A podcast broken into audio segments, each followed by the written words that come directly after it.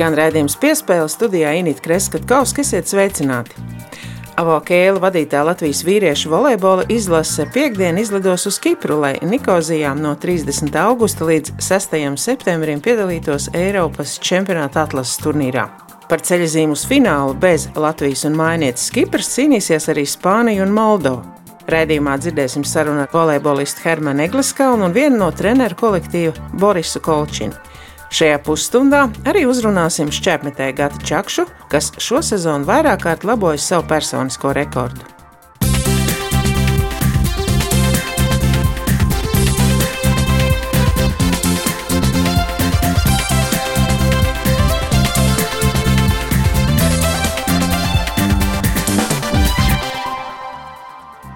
Latvijas volejbola izlases diagonālais uzbrucējs 29 gadus vecais un 2 metrus un 4 cm garais Hermans Egliskalns šo sezonu atkal spēlēs Grieķijas titulētākajā komandā Pirejas Olimpiakos kuras krāsas viņš iepriekš ir aizstāvējis. Māja Egliskalns bija pieteicies arī Dienvidkorejas līgas ārzemnieku draftām, taču nebija septiņu izraudzīto volejbolistu vidū.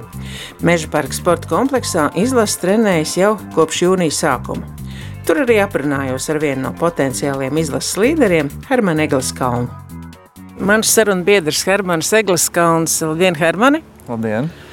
Mēs uh, esam šeit, Ķīšezera krastā, un šis rudais runcis ir nu, jau pilnīgi talismans šai vietai, jo es ne pirmo reizi esmu šeit, lai intervētu volejbolistus. Un, un, un kaķis vienmēr ir klāt un tūmā. Bet mēs jau konstatējām, ka trešo mēnesi rīt treniņu nometni šeit. Ir īpašs laiks, ir īpašas arī pasaules situācija. Viss ir īpašs, vai ne? Īsnībā situācija diezgan dīvaina un savāda, kā jau arī visas sezonas visiem bija beigušās tādas jā, ļoti ātri un uh, situācija nestandarta, bet uh, tāpat kā sportisti jābūt vienmēr formā un tādēļ arī jā, trīs mēnešu nometnē, kur Ko jums nozīmē spēlēt izlasē, vai tagad ir tas laiks, kad jums arī tāda sajūta, ka nu, ir beidzot uh, ļoti labs sastāvs? Sanāk tā, ka visi ir motivētāki un uh, grib vairāk trenēties un spēlēt. Un arī uh, jaunāki spēlētāji, kuri pirms pāris gadiem bija ļoti, ļoti jauni, tagad viņi ir nobriedušāki un uh, ir kaut kur spēlējuši. Ir optimālais sastāvs. Tas viss arī dod tādu jā, pozitīvu noskaņojumu un vēlmi strādāt. Cik zinu, tad jums ir eh, iespēja atkal atgriezties Grieķijā, šajā slavenajā Olimpijākos klubā. Pēc dažiem gadiem Francijā arī labā līmenī spēlējāt, un, un jaunais eh, klubs laikam neiebilst, ka jūs septembrī sākumā vēl nebūsiet. Varbūt par šo sadarbību ar, starp klubu un izlasi. Un... Visos līgumos, kad ārzemnieki parakst, bieži vien ir tā, ka klubi pozitīvi noskaņot pret to ka spēlētājs spēlē izlasē un viņi ļauj spēlēt. Un, pat ja spēles dažreiz notiek tā, ka spēles ir sezonas kaut kur viduspusē, jā, dažreiz arī izlase un tāpat atlaiž un dod spēlēt. Tā kā nē, tur noteikti pozitīvi. Plus arī es, kad atbraukšu, būšu diezgan labā formā un tas arī dod tādu, nu, klubam patīk tādas lietas, ka, ka tu esi gatavs. Laiks starp jauno un perspektīvo un vienu no izlases līderiem ir ļoti ātri paskrējis. Kādas pašam ir šīs atmiņas un, un vai atbildības sloks par līderu lomas uzņemšanos, vai ir kāds dombiedrs, ar ko varētu padalīties šajā statusā? Noteikti, jā, ka tas sportista mūžs ir tāds īss un viss paiet diezgan ātri. Un, jā, pirms pāris gadiem, tur 3, 4, 5 gadiem, es vēl biju viens no jaunākajiem, tagad esmu viens no vecākajiem. Bet es domāju, tā mans raksts ir tāds, ka es neesmu varbūt tas lielais emocionālais līderis, kas tur beigas tur visus vilks uz priekšu laukumā un tur kaut ko, bet es vairāk rādīšu tomēr to savu piemēru, ko es varu darīt laukumā, kā es strādāju. Un tā, un ja kāds, gribēs un tieksies uz to, lai skatīsies vai prasīs kaut ko, es vienmēr izpalīdzēšu. Mana rakstura īpašības vairāk rādīt to piemēru. Kurp iet volejbols pasaulē? Nu, jā, nu, gari atletiski spēlētāji. Jā. Es domāju, ka volejbols ir ļoti tāds ģimenes sporta veids. Viņš ir daudz klubu, kuros esmu spēlējis, ir tie ģimenes klubi, kur ir parādās no kaut kāda entuziasma. Jā, arī volejbols varbūt nav tas naudīgākais sporta veids, tā kā tur tās attiecības un visi draudzīgāki. Tā kā varbūt tas ir tāds community, jā, cilvēku kopiena, jā, kur ir tā ciešāk nekā varbūt citos sporta veidos. Nu, daudz tik rakstīts arī par tavu potenciālo draftu ar Dienvidu Koreju. Tas nesenāca. Ko vispār eh, volejbolā nozīmē šāda veida eh, draftēšana, iespējas tikt no viena kluba uz citu? Tomēr nu, var teikt, ka tu augstākā līmenī spēlē šobrīd. Drafta sistēma Korejā tā ir tāda unikāla. Viņi vairāk uh, mēģina kopēt to amerikāņu NBA drafta sistēmu, kaut kā izvēlēties to spēlētājus mazliet savādāk, nevis no brīvā tirgus caur kaut kādu atlasi. Uh, ir konkrēti spēlētāju skaits, starp kuriem var izvēlēties un kur var pieteikties. Un tad tas saraksts paliek mazāks. Un, uh, un jā, tomēr tur Korejā ir tikai septiņas komandas, kurās var tikt. Var būt tikai viens ārzemnieks. Un arī kriteriji, pēc kādiem aziāti izvēlās tos spēlētājus, arī diezgan mums varbūt uh, bieži vien nav saprotami. Diezgan liela konkurence. Runājot par jauno Grieķijas klubu, Jā, gan ģimenei, gan, eh, gan arī profesionāli. Jā, viss ir tā, tā kā jebkuram sportistam gribētos. Tīpaši šobrīd, tādā situācijā, kādā mēs esam pasaulē, dabūt kaut ko tādu stabilu un finansiāli diezgan pievilcīgu, un kas arī atbilst varbūt ģimenes situācijai, tad arī tas jā, jābūt eh, laimīgam, ka kaut kas tāds ir.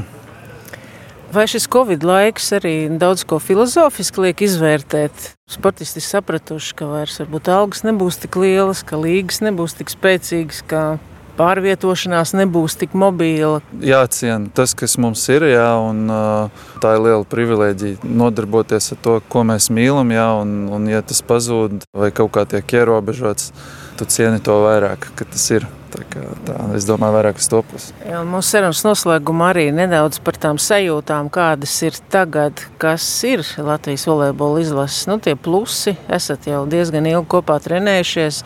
Noteikti nedrīkst nenovērtēt tos pretiniekus, jā, kādi viņi arī nebūtu. Noteikti grupā ir favorīti Spāņi, jā, jā, jābūt gataviem no paša sākuma, jo tā viena spēle var īstenībā nu, visu to rezultātu arī, arī dot. Jā. Tad jānoskaņojas no paša sākuma un jā, trīs mēneši esam gatavojušies vienas nedēļas gaitā būs jānospēlē sešas spēles. Tas nav nemaz tik viegli. Iesim uz to rezultātu un jāsasniedz, jātiek uz Eiropas čempionātu. Kas ir tas Moldovas teiksim, spēks? Cik, kas ir zināms par šo komandu? Vai ir tā, ka ir līderi komandai vai kaut kāds jau tāds zināms rokraksts? Moldovas, jā. Es pazīstu vienu spēlētāju, spēlēju Parīzē, tāds Dmitrijs Bahovs, jā, bet tā kaut kāda liela spēlētāja, es tā īsti nezinu, bet mēs vēl neesam analizējuši viņu, viņu video un neesam skatījušies, kas viņam, vai viņam bijušas kaut kādas pārbaudas spēles vai nē. Bet es domāju, tuvāk spēlēm būs kaut kāda informācija un tad tālāk no tā arī izies. Ir vairāk spēlētāji, pasaules līmeņa spēlētāji, skatījos, kā viņi spēlē. Varbūt mēģināju kopēt kaut kādus elementus no viena, gan no otra, bet tā vairāk vienkārši skatījos. Nu, tā daudz krēļus, kurus spēlējuši, jo esmu krēls, jā, tā kā tos tā vairāk kaut kur analizēju, skatījos to spēli un kaut kā gāju uz to augstāko līmeni un gribēju spēlēt augstākajā līmenī volejbolā un, un arī attiecīgi arī spēles, visas tās arī skatījos, kur visi spēlē augstākajā līmenī. Labi, Hermans Egliskalns bija pie Latvijas radio mikrofona. Vēlu sasniegt šo mērķi ar izlasi, lai izdodas tikt uz Eiropas čempionāta finālu un, protams, veiksmīgus startus arī Grieķijas klubā. Un, un galvenais, lai mēs visi esam veseli. Paldies! Piespēles turpinājumā volejbola tematu turpināšu ar vienu no Igaunijas volejbola speciālista Avo Kēla palīgiem Latvijas izlasēm Boris Kolčinu, kuram jau iepriekš bijusi pieredze darbā ar Kēlu. Kā spēlētājs Kolčins savulaik kļūst par pasaules un Eiropas junioru čempionu PSRS izlases sastāvā arī uzvarējis PSRS čempionātā radiotehniķa formā un PSRS tautas partakjādē Latvijas izlases rindās. Kolčins iepriekš vairākas sezonas strādāja Latvijā, trenēdams Latvijas junioru izlasi un arī piedalījies Latvijas vīriešu izlases un klubā aizkā kuldīgi darbā. Bijis arī Belgorodas Belagorī galvenais treneris un kā treneris vairāk kārt izcīnījis Krievijas čempionāta godalgas. Ar Kēlu abi veiksmīgi sastrādājušies Igaunijas izlasē, sekmējot valsts vienības iekļūšanu Eiropas čempionāta fināla turnīrā un nu spēki atkal apvienoti. lai līdzīgi mērķi sasniegtu arī ar Latvijas izlasi. Saruna ar Borisu Kolčinu piespēles turpinājumā. Kā šķiet, atgriežoties izlasē, ir tās perspektīvas tikt uz Eiropas čempionāta finālu, un jūs kā, kā treneris, kā jūs tās vērtējat? Jā, es jau neesmu pirmā reize, kad sastapos ar uh, galveno komandu, ja, ar uh, Latvijas izlasi. Man uzaicināja pirms četriem gadiem Raimons Vilde pirmo reizi. Ja? Es labprāt viņam palīdzēju. Nu, diemžēl tā cikla mums neizdevās. Pavisam bija divu setu starpība ar sanciešiem. Grūtāk bija to apakšgrupu, ja vērtēt tagad to apakšgrupu, kur, kur mums gaida, sagaida. Ja? Tad, nu, mums nu, jāpanāk to virsotni ja, un, un jādabū to ceļu uz to Eiropas čempionātu. Cerams, ka tā arī būs, ka viss mums sanāks. Par šiem trim mēnešiem es esmu laimīgs un, un gandarīts par to darbu, kuru bija padarījis. Jo, jo puiši nostrādāja ļoti godīgi un nopietni. Un bija tādi pat treniņi, kad virs 30 grādiem karstums. Jā, viņam bija jāmaina katram ne tikai divas, bet trīs reizes savus krekliņus. Nosvieduši ļoti nopietni. Un, un tagad uh, palaist to iespēju. Un uh, pēc trim mēnešiem darba Nu, tas būtu nepareizi. Mēs es, ceram, jā. Es jau runāju ar uh, Hermanu, ka es, manuprāt, intervēju treneri vienā no pirmajām izlases uh, treniņu nometnes dienām. Nu, ir viss vasara pagājis, jūs joprojām esat šeit, bet laikam ar iespēju tomēr tikt pie ģimenes, jā, jo savādāk būtu ļoti nogurdinoši. Protams, jā, katram ir savs ģimenes, savs intereses. Protams, no mums uh, nevar vērtēt savu to līmeni, to, to, kā lieli profesionāli, ka mēs ar volejbolu varam iztikt. Dažiem no puišiem ir darbs, paralēli treniņiem viņam bija. Nu, tagad mācības nav, bet nu, sezonā es eh, saku, ka volejbols Latvijā atšķiras no, no liela volejbola, tādas lielvalstis kā Itālija, Polija, Krievija. Ka šeit eh, iztikt ar volejbolu, nodrošināt sev vai savai ģimenei pieticīgu dzīvi, tad nesanāk. Jādara viss to, to pārējo arī. Nu, es atkārtoju, ka šajā vasarā ja, mēs jau trīs mēnešus trenējamies, un tik ilgi vēl nav bijis tādas iespējas trenēties, gatavoties. Un raugoties uz, uz to, ka pasaulē tagad notiek tie, tie, katru dienu gaidījumi, lai nesanāk tā, ka atcels to turnīru, ka mēs pavēlti šeit trenējamies. Nu, paldies Dievam, ka tas jau pagātnē puiši visi gatavi ielādēt. Un, un man liekas, ka viņi paši saprot, ka var braukt uz to turnīru ar tādu domu, ka ja ne tagad, tad nekad. Un tas mums varbūt palīdzēs arī. Jūs kā spēlētāji arī nu, pienesums. Droši vien, ka pieredze ir tas, ko jūs varat ieteikt un, un ar savu pieredzi stāstīt, kā jebkurā situācijā, kā tas notiek. Un es domāju, ka arī tagad šis Covid laiks noteikti ir nu, diezgan filozofiski līdz uz daudzām lietām paskatīties, ka šie spēlētāji saprot, kā ja jūs teicāt, tagad vai nekad, bet arī trenējoties diendienā varbūt vairāk arī cits citu iepazīst tieši to varēšanu, to psiholoģisko. Jā, nu, katram spēlētājam ir savs raksturs, jā, lai saliektu kopā visus spēlētājus un veidot tādu spēcīgu komandu. Tas, protams, jāpadara kaut kāda darbiņa. Mēs taču esam pazīstami ar visiem tiem spēlētājiem. Tie bijušie juniori, ar kuriem es sadarbojos pirms diviem gadiem, viņi tagad ir tādi īsti spēlētāji, nobrieduši. Ir tie veterāni, uz kuriem gulsties lielākā slodze. Nu, nu, divi vai trīs jaunieši tur atnākuši, kurus es nepazīstu. Un es biju priecīgs, es atkārtoju, ka man, kad uzaicina kaut kāds treneris, galvenais treneris, un nu, tagad jau tas Ava Kēls, tas ir vissvarīgākais nosacījums. Ja treneris piekrīt, ka es viņam palīdzēšu, nu, ar savu pieredzi, ar savu prasmi, es varbūt kaut ko arī varu labot vai, vai, vai kas tie, jā, kas tie galvenie virzieni, kurš sakrīt jūsu domas? Droši vien, ka daudzās lietās sakrīt. Varbūt par tieši par tādu volejbolu taktisko zīmējumu, ko jūs redzat, ko šie puiši var e, īstenot, jo nevienmēr uzliekot uzdevumu, ko varbūt nav tās meistarības, te jūs labāk redzat paši kā bijušie spēlētāji, kas ko var. Nu, protams, ja man aiz muguras ir tāda pieredze, ka es strādāju ar tādiem zvaigznēm, ka nu, veselu sarakstu var tagad, uh, sastādīt. Bet uh, ar šiem puišiem es atkārtoju, ka mēs bijām tik tuvu, kad galvenais bija Raimons Vilde, bija tik tuvu tam panākumam, ka tagad mazliet viņa žēl, ka nesanāca. Un, ja es vērtēšu viņus kā vidējo spēlētāju, tas nebūtu pareizi. Viņi dara visu, ko var. tajos apstākļos, kuras viņi ir audzināti. Varbūt pateicoties arī Baltijas līgai, viņi izauguši un kļuvuši par spēlētājiem. Un, mūsu treneru pienākums vienīgais - darīt tā, lai viņi simtprocentīgi varētu izcelties un par, parādīt sevi laukumā. Dažreiz es tā, tā skatos, varbūt uh, vajadzēs kaut kādā veidā regulēt to slodzi, ja, psiholoģisko slodzi, jo viņi visi tik atbildīgi. Viņi tik grib uzvarēt tajā turnīrā, ka varbūt sadegt, jā, tas bieži notiek, bet viņam būs jāpasaka, ka nu, volejbols tā ir spēle. Kurš būs gudrāks, kurš būs viltīgāks, kurš būs spēcīgāks, protams, uzvarēs tās. Un neņemiet vērā, ka tas ir baigi atbildība, ka, ka mums pēc tam nošaus. Protams, tas nebūs. Jāņem vērā droši vien arī no vēstures, no kļūdām jāmācās pirmās spēles nozīmīgums. Tātad mačs ar Moldovu. Kā jūs vērtējat, vai jūs esat tas, kas ir pētījis šos video ar, ar sāncenšiem? Tas ir ļoti liels trūkums tagad mums, ka mēs neko, praktiski neko nezinām par pretiniekiem. Jo pētījām, meklējām tos ierakstus, video ierakstus. Šajā gadā neko nav atrasts. Jo visi ir ierobežoti, ja, visi sēž pa mājām, nekādas tur draudzības spēles nenotiek. Un gluži otrādi iznāk tā, ka mēs pateicoties mūsu ziemeļu kaimiņiem, uzspēlējām trīs draudzības spēles ar Igauniem. Kaut kādu video ierakstu tagad mūsu pretinieki dabūs.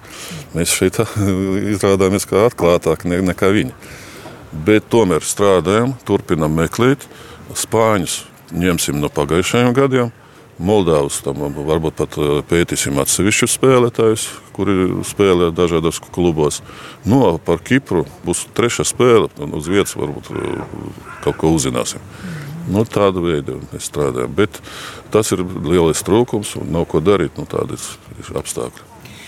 Kas ir tas, jūsuprāt, stiprākais plus šobrīd izlasē. Nu, kā saka, savā sulā maļoties, liekas, ka viss ir kārtībā, ja tev nav tāda kārtīga pretinieka, uz ko pārbaudīt. Bet nu, tomēr ir, ir, ir spēcīga diagonāla, ir kā ar, kā ar cēlājiem, kā ar šī sapratnes starp cēlājiem un, un spēlētājiem. Un... Jā, jums taisnība. Jā, protams, spēlētāji, kur ir ilgu laiku kopā, jā, viņam jau jāsaprot viens otru praktiski no, no vienu skatienu, bet šeit izveidojas tāda komanda. Es jau no paša sākuma teicu, ka mums ļoti labas iespējas cīnīties un sasniegt to rezultātu, jo šeit ir tas saucamais sakausējums, pieredze ar jaunību. Un tie, es atkārtoju, tie bijušie juniori nav nekādi puišuli. Ja? Viņi jau māk cīnīties, zina, ko, ko darīt laukumā, bet nu, tomēr tie veterāni, ja, tas kodols Ja, tie uz, uz tiem gulstās tā atbildība lielāka. Ja, viņi zinās, kādā mirklī, kā, kā darboties, ko darīt. Es ļoti ceru, ka tās sakāsējums būs mūsu labā. Paldies, Boris Kolčins bija pie Latvijas radio mikrofona, lai izdodas ar savu prātu un padomu un piemēru sasniegt visiem šo mērķu tikšanu Eiropas čempionāta finālā. Paldies, jā, visiem laimīgi!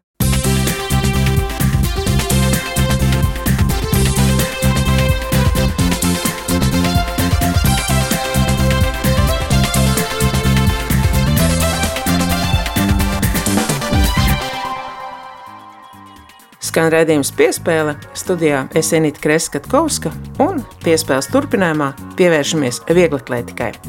Šovasar ar meistarību un stabilitāti pārsteidz šķepmetējs Gatis Čakšs. 25 gadus vecais un 183 cm garais vieglatlēts savu personisko rekordu laboja prezidenta balvas izcīņa 84,56 cm. Kolēģis Mārtiņš Kļavinieks Čakšu aicināja uz garāku sarunu. Latvijas radio pirmā kanāla sporta raidījums piespēle turpinās. Ar jums sarunājos es Mārtiņš Kļavinieks, un turpmākajās raidījuma minūtēs parunāsim par sporta karalieni, vieglatlētiku un vienu no tās disciplīnām šķēpmešanu. Un Latvijā, kā zināms, protams, ļoti dziļas šķēpmešanas saknes un ilgagadīgas tradīcijas.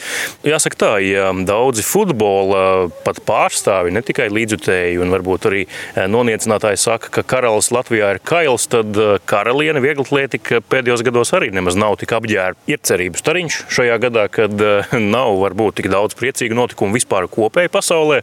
Tas ir Latvijas čempionātais Gatis Čakšs, kurš ir parādījis apbrīnojamu noturību un no sacensībām uz sacensībām. Sveiks, Gati! Sveiki! Tu tāds stabils eh, pāri 80 metriem metējs esi. Šogad pašam tas nav pārsteigums, ka tev tik stabili rezultāti no sacensībām uz sacensībām. Varbūt tā kā pēc gatavošanās eh, nav pārsteigums, bet vienkārši tas, ka visu laiku domājam, kā to visu tikt pie šīs stabilitātes un vispārējā. Un tik līdz es sapratu, ka jau sākt no mačiem uz mačiem uz mačiem sākt parādīties, ka es varu vairāk 80 aizmest, nu, tad es sapratu, ka stabilitāte šeit ir. Tagad vajadzētu tikai to pirmo etapu ir nolabot personisko rekordu. Un tas ir izdarīts pašlaik, un tagad ir nākamais jāmēģina to 85 metrus. Pagājušā nedēļa prezidenta balvu ogrē Gatis Čakšs vienreiz labo personīgo rekordu 84,09, pēc tam 84,56, kas ir aktuālais. Šo skaitļus tur nezinu, kaut kur pie sienas es sev ierāmējis pagaidām vai pie leduskapa pielicis vai tikai galvā patur. Es esmu visus rezultātus pierakstījis, protams, katru sacensību, pilnīgi jebkuru rezultātu. Pašlaik arī varu teikt, ka esmu 28. reizi jau aizmetis 80 metrus pāri. Pašlaik es tos rezultātus tik ļoti vēl tā neiegaumē, jo es viņus gribu pārspēt, tāpēc es nu, negribu apstāties uz šo. Es atceros, kad es sametu 83, 89, tad es jau biju ieciklējies apmēram, ka Dievs ir personīgais un viss ir kārtībā. Ja? Bet pašlaik dēļ tā stabilitātes un dēļ tā sajūtas, ka es varu aizmest tālāk, es mēģinu tos rezultātus izbaudīt, viņus priecāties par viņiem, bet viņus tā gluži vēl neiegaumēt. Sanāca mums izkrist no treniņiem vispārējo, bet uh, sanāca arī mums daudz ļoti labi labas lietas, un mēs ar treneru varējām strādāt tehniskajā. Un, uh, bija arī lietas, ko tu varēji pats apdomāties. Nu, bija kā var sakārtot savu galvu, un bija daudzas pozitīvas lietas, kas varēja atpūsties no visa izdomāt, kā es gribu turpināt savu dzīvi, kā es gribu turpināt uh, savu karjeru un visu. Un nācās pieņemt visādus lēmumus. Pirmais jau bija sakārtot galvu, lai visu laiku domātu pozitīvas domas, nekad nedomātu negatīvi. Tu iepriekš eh, biji tāds, kuram eh, nu, kāda negatīvu lietu varēja iepilināt to darbu kā roti tavā medus mucā, un tad tu biji tāds nu, pēdiņās saindēts ar šīm sliktajām emocijām vēl uh, ilgu uz priekšu. Tā bija. Varbūt sākumā, kad visu to gāja no jauniešiem līdz junioriem, viss tas gāja tādā priekā. Tā kā viss bija kārtībā, un līdz kamēr es sametu pirmkārt to pirmo savu 80 metrus, kas jau bija sen atpakaļ, tur arī varbūt paveicās ar eh, laikapstākļiem, ka nenormāls pavējš bija un viss bija sakārtots kā vajadzīgs. Bet tur parādījās tā pirmā trauma, Un tad arī visu laiku es sāku uzsūkt to negatīvismu. Es sāku domāt, kas, kāpēc, kāpēc tā un ko es atkal esmu nepareizi. Un tu nevari savākties. It kā tev uzspīd daudz stariņu, ka tu viss ir kārtībā un tu vari trenēties, bet tev parādās atkal kaut kāda tur vai nu skola, tur kaut kāda varbūt nevar sakārtot līdz galam, varbūt tev treniņā neizdodas tā, kā tu gribētu. Jāizmet mazāk, jādomā ir tev mērķis, bet uh, par blakus lietām mazāk ir jādomā. Tev bija kāds lūzuma punkts, ka tu gribēji šķēpu mest krūmos un to visu pie malas. Nezinu, kad bija tie 70 drusku pāri metri un eh, negāja līdz 80 vai traumas, kad bija. Šāps man vienmēr ir bijis, eh, nu, saku, es mīlu to sporta veidu un man patīk vienkārši, ka es varu aizmest rīku tālu. Tad, kad sākās traumas, bija mirkļi, ka vienkārši ne, viss ir kārtībā, viss, viss būs labi, bet pusgadu tu vienkārši nevari attapties. Nu, vienalga, viss ir kārtībā. Bet, kad tev tā trauma atkārtojās, tad ir uzreiz tāds ir bijuši momenti, kad es vienkārši domāju, ko citu vēl es varētu darīt. Ja? Nu, tad vienkārši tie ir tādi atkāpes momenti, ko, ko es vēl varētu citu darīt. Nu, tā, pamest to. Nē, ne, tā nekad nav bijis, un arī es domāju, nekad nebūs. Vienkārši tas, ka varbūt ir bijuši brīži atkāpes, kā, ar ko varbūt es varētu nopelnīt, varbūt vairāk vai kaut ko tamlīdzīgu. Tie ir bijuši tādi momenti, jo tāpēc, kad mēs pieaugam, mēs sākam arī. Eh, mums ir jau citas, eh, nevis prioritātes, bet, nu, piemēram, ir vajadzīgi, kā, ja ir ģimene, tu, tev jāpabaro ģimene, tev viss ir jādara. Un tad, tu, tad tu sāc domāt, tad, kad tu esi puišals, tev viss ir vienalga un tu vienkārši to dari un viss. Bet pašlaik ir tā, ka es esmu pilnā nopietnībā un es nekad nepametīšu to tā. Kā Gatis Čakšs ir mainījies? Tu jau te pieminēji intervijas laikā arī, eh, kā agrāk tu biji puišelis, tagad tu esi vīrs, arī precēts vīrs. Kā šie divi gati čakši atšķiras savā starpā? Daudz atšķirās. Cik es atceros, es varbūt nebiju nekas slikts, kad es sākumā, kad nu, teiksim, tas puikas bija nu, pēc vidusskolas uzreiz. Mm. Tad nāca skola, tad nāca viss pārējais. Es sāku, var teikt, nu, izbaudīju, ka ir finansiāls atbalsts. Nu, nesapratu, es vienkārši tur ne jau tērējos vai kaut kur, vai kaut kur skrēju, bet vienkārši tā, ka es tā kā palaidos. Es, maz, es sevi žēloju, es neaizgāju tur treniņu vai kaut kā tam līdzīgi, tur pagulēju vai tā, bet nu, tas notika pie tam vēl bieži. Naudu es krāju, kaut kur mēģināju nolikt vai, vai ko tādu, bet uh, attiecīgi tā domāšana bija pilnīgi savādāka. Man interesē treneris vienmēr, treneris, ko saka, viss ir kārtībā. Bet es tā kā necentos maksimāli, ka es to izpildīšu, ko viņš prasīja. Ja. Tagad es esmu jau pieaudzis, piemēram, es nopietni vēršos pie ēšanas savējās, skatos, kā tas ir jādara. Visu, ko treneris saka, kā jāguļ, kā jāceļās, kā viss, visas lietas esmu mainījis kā pieaudzis cilvēks, nevis mm. kā tad, kā puisis, kurš neko vienkārši nesaprot, kas vispār ir vajadzīgs dzīvē un kā dabūt to rezultātu augstvērtīgāk. Un tagad es esmu pilnīgi pārliecināts, ka dēļ tā, kā es esmu mainījies, dēļ tā arī ir mainījušies mani rezultāti. Vismaz stabilitāte arī. Kā tev pašam treniņos Tu esi pietuvojies vai pārsniedzis 90 metru atzīmi? Nē, vispār nē. Mums tā, ka mēs trenējam, piemēram, arī man eh, eh, vakar bija mešanas treniņš, nu, es sametu 65 metru, jā, no tāda puses ieskrējienu, bet, nu, protams, tas ir, nu, ne uz kādas sacensības formas. Tas ir vienkārši tā tehniski. Ir jāmet tehniski, lai mēs zinātu, kā to izdarīt. Un es negribu izšauties treniņos. Jo es uzskatu, nu, kāda jēga man treniņā samest. Neviens to neredzēs, neviens to visiem būs vienalga, ko es metu treniņā. Es varētu teikt, ka 100 metu vai 50 metrus visiem ir pilnīgi vienalga. Visiem ir interesē tas, ko es varu izdarīt uh, sacensībās. Tāpēc es treniņos metu pēc tāda principa, lai sanāk smuki lai sanāk tā, ka trenerim patīk. Ja trenerim patīk, man viss apmierina. Latvijas šī brīža labākais šķērsmetējs Gatis Čakšs sarunā ar Latvijas radio pirmā kanāla sporta raidījumu piespēli Gati vēl noslēgumā, kur nākamās sacensības un kāds vispār plāns atlikušajam gadam tev? 29. man ir Vācija, 8. septembrī ir eh, Čehija Ostrava.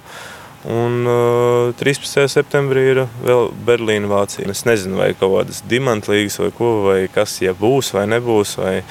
Tas baigā ātri var mainīties. Gats Čakšs, Latvijas labākais čempions, sarunā ar Latvijas radio pirmā kanāla sporta raidījumu piespēli. Paldies, Gati, par sarunu, paldies par augstvērtīgiem rezultātiem, ko tu esi parādījis. Un gaidām arī tādu patu stabilitāti vēl atlikušajās sacensībās šajā sezonā un arī jau no 2021. gada sākuma, tā lai tā Tokijas ceļzīme dodas rokās. Paldies, Gati! Paldies jums!